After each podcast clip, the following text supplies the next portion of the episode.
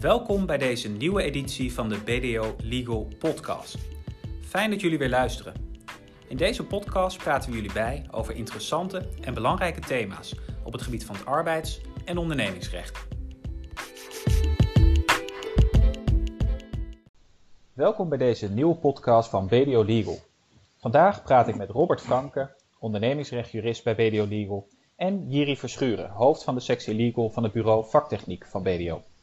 Mijn naam is Rami Mohammed en vandaag ga ik het met Robert en Jiri hebben over de wet homologatie onderhands akkoord, ook wel, ook wel de WOA genoemd. Een belangrijk nieuw instrument voor de herstructurering van ondernemingen, die vorige week door de Tweede Kamer is aangenomen. Welkom Robert en Jiri. Dank.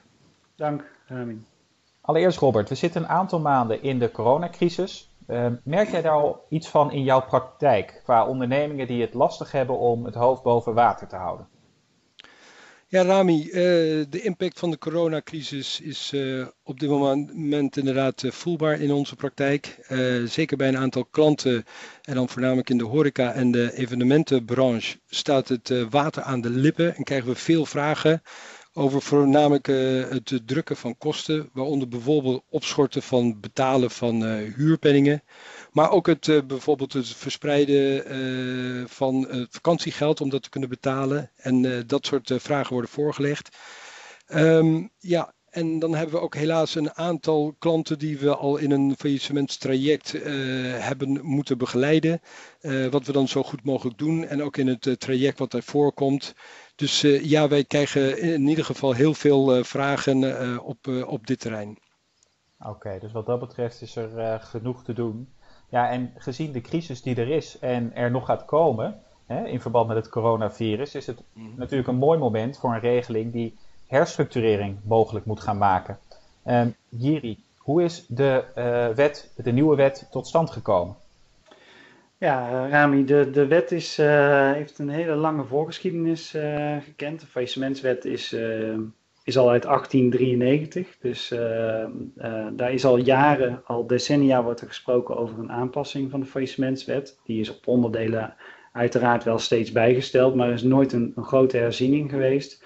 En vanaf 2012 uh, is de minister bezig geweest om het faillissementsrecht te herijken. En een van de pijlers daarvan is de reorganisatiepijler, die aangepakt moest worden. En het doel daarvan is om het reorganiserend vermogen uh, van de Nederlandse wet te verhogen, zodat ondernemers daar gebruik van kunnen maken. En de, de, de kiem voor de WOA is eigenlijk in 2013 al gepland. En uh, dat is ja, meerdere keren via een consultatiewetsvoorstel voorgelegd en steeds aangepast. Het is een vrij technische regeling, dus uh, er, iedereen was eigenlijk vanaf begin af aan positief, zowel praktijk als theorie.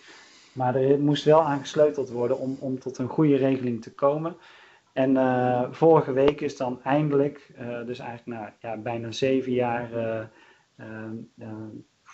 traject aan de voorkant, is uh, het wetsvoorstel aangenomen door de Tweede Kamer. Wel nog met twee amendementen, waar we misschien later nog, uh, nog op komen. Maar uh, er ligt eindelijk een wetsvoorstel dat nu naar de Eerste Kamer toe is. Oké, dus het heeft even geduurd, maar we hebben nu een, een wetsvoorstel. Um, Robert, nog even een stapje terug. Hoe werkt het op dit moment als een onderneming wil gaan herstructureren? Ja, Rami, dat uh, zijn eigenlijk uh, twee mogelijkheden voor. Allereerst wat wij dan noemen een buitengerechtelijk akkoord. Dat betekent dat je buiten faillissement of surseance van betaling probeert aan je schuldeisers een akkoord aan te bieden. Je biedt ze namelijk een bepaald percentage van hun vordering aan waar ze dan mee kunnen instemmen. Als het buitengerechtelijk is, dus buiten faillissement, dan betekent dat dat alle crediteuren moeten instemmen met het voorstel wat je doet. En daar zit natuurlijk ook uh, gelijk het probleem van een buitengerechtelijk akkoord.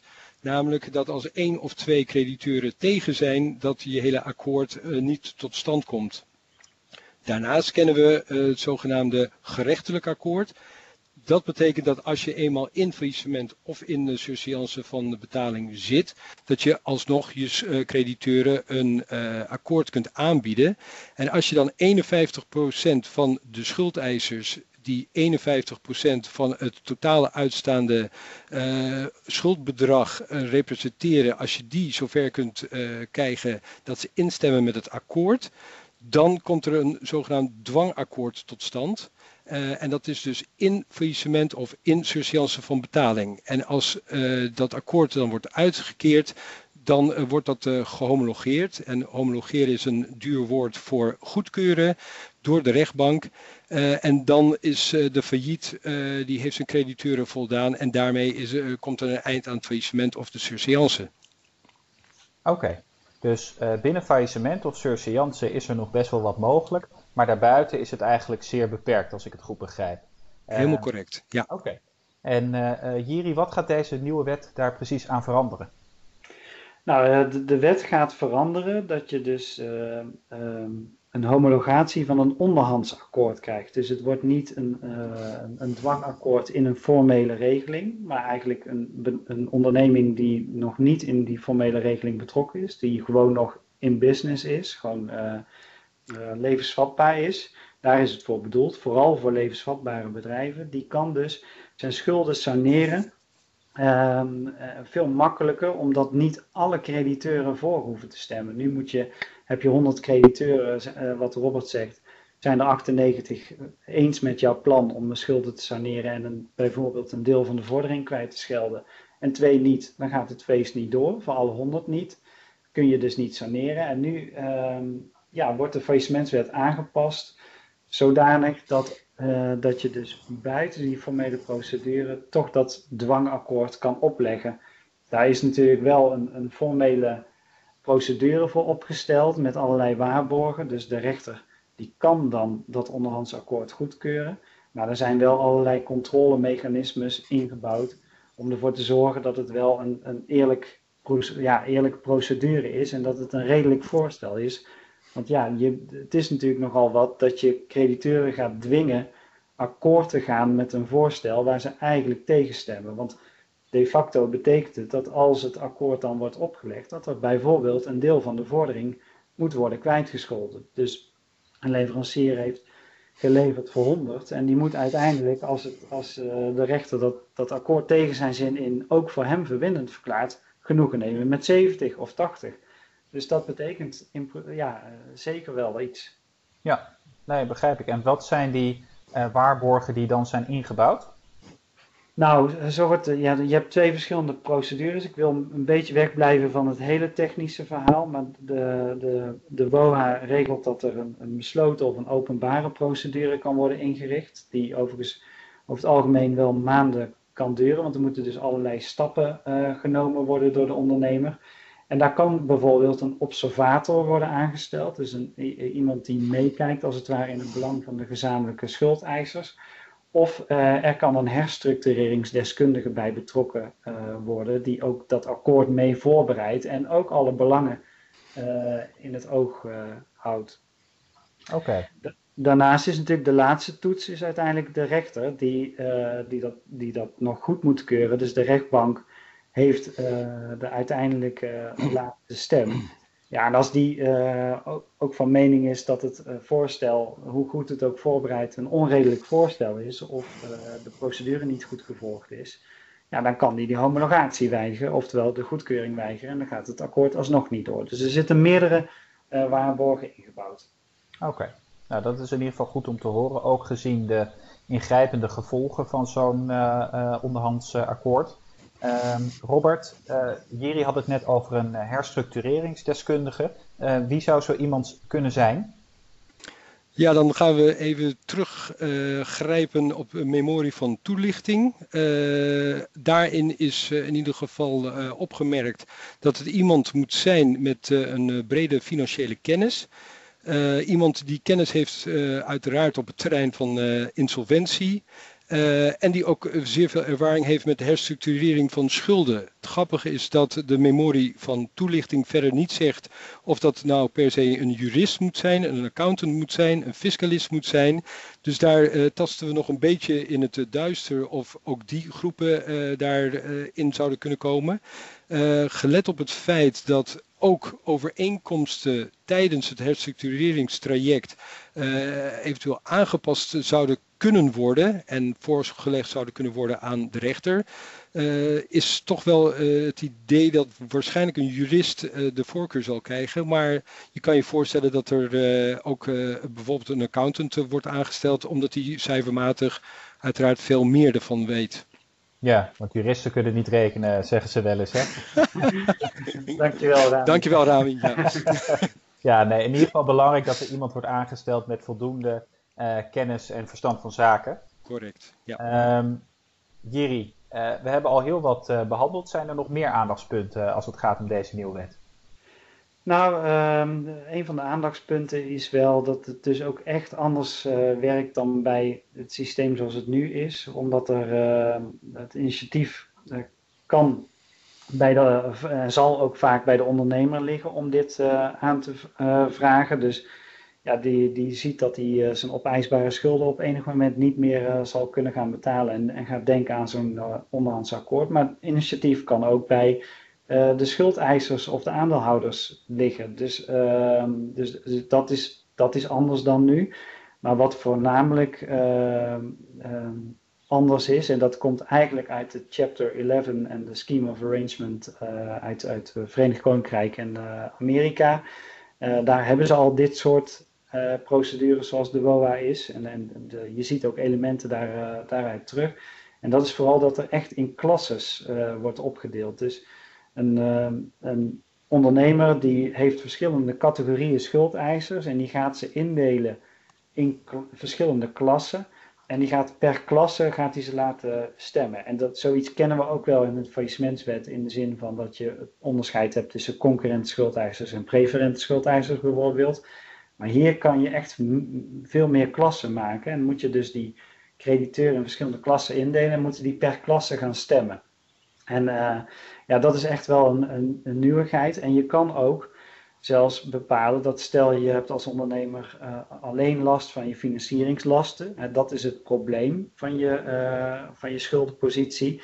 Dan kan je er ook over nadenken om alleen voor die klasse een akkoord op te gaan tuigen. Dus uh, ja, dat, dat is wezenlijk anders dan hoe het systeem nu werkt. Oké, dus de schuldeisers worden ingedeeld in verschillende uh, klassen. Um, ja. En vervolgens gaan ze per klasse stemmen over nou ja, eventueel een, uh, het bereiken van een akkoord. Ja, um, klopt. Die stemming, hoe werkt dat precies, Robert? Ja, Jiri die heeft al een tipje van de sluier in ieder geval gelicht. Uh, wat er gaat gebeuren is dat de herstructureringsdeskundige gaat de schuldeisers in bepaalde klasses indelen. Daar zal uh, uiteraard ook nog wel wat gesteggel over komen. Uh, welke schuldeiser in welke klasse opgenomen zou willen worden of denkt te, te dienen te worden. Um, en dan wordt aan die klasses wordt een bepaalde uh, akkoord aangeboden. Dus dat kan ook totaal verschillend zijn. Bijvoorbeeld dat de concurrenten uh, 25% krijgen aangeboden van de vordering. Uh, de preferente crediteuren dat die een fors hogere bedrag krijgen, 60%. Maar daar kan dus de herstructureringsdeskundige naar kijken dan uh, wordt per klasse wordt gestemd en uh, een klasse heeft voor het akkoord gestemd wanneer het akkoord wordt aangenomen door schuldeisers die minstens twee derde van de totale waarde van die vordering vertegenwoordigen. Dus als twee derde van die klasse uh, instemt, dan komt het in die klasse uh, komt er dus een akkoord uh, tot stand. En het volgende wat je dan zou kunnen doen, is dat je probeert aan de rechter voor te leggen dat dat akkoord wat in die klasse geldt, dat dat voor alle klassen zal gelden. Maar nogmaals, daar uh, moet de rechter dan een einduitspraak over doen. En toetsen of dat uh, redelijk is. En zal ook daar de partijen voor moeten horen.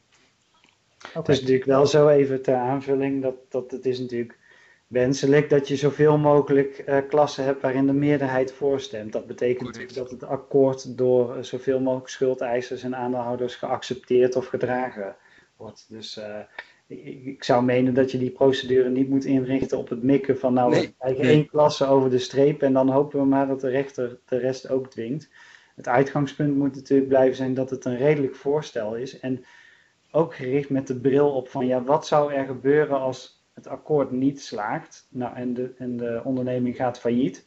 Wat krijgt iedereen dan? En als het voorstel beter is per saldo voor iedereen, ja, dan, dan is, natuurlijk, uh, ja, is het wenselijk dat dat akkoord wordt aangenomen. Als het, als het alternatief is een faillissement waarin, nou, plat gezegd, niemand iets krijgt. Ja, ja. goede toevoeging. Ja. Duidelijk verhaal. En wat je dan uiteindelijk krijgt is dus een vonnis uh, van homologatie, dus goedkeuring door de rechter. En dat levert dan een ja, executoriale titel op. Daarmee kun je dus uh, je rechten verder afdwingen als uh, schuldenaar, als bedrijf. Oké, oké. dus dan weet je zeker dat het ook vaststaat wat er is, wat er is bereikt. Oké, duidelijk.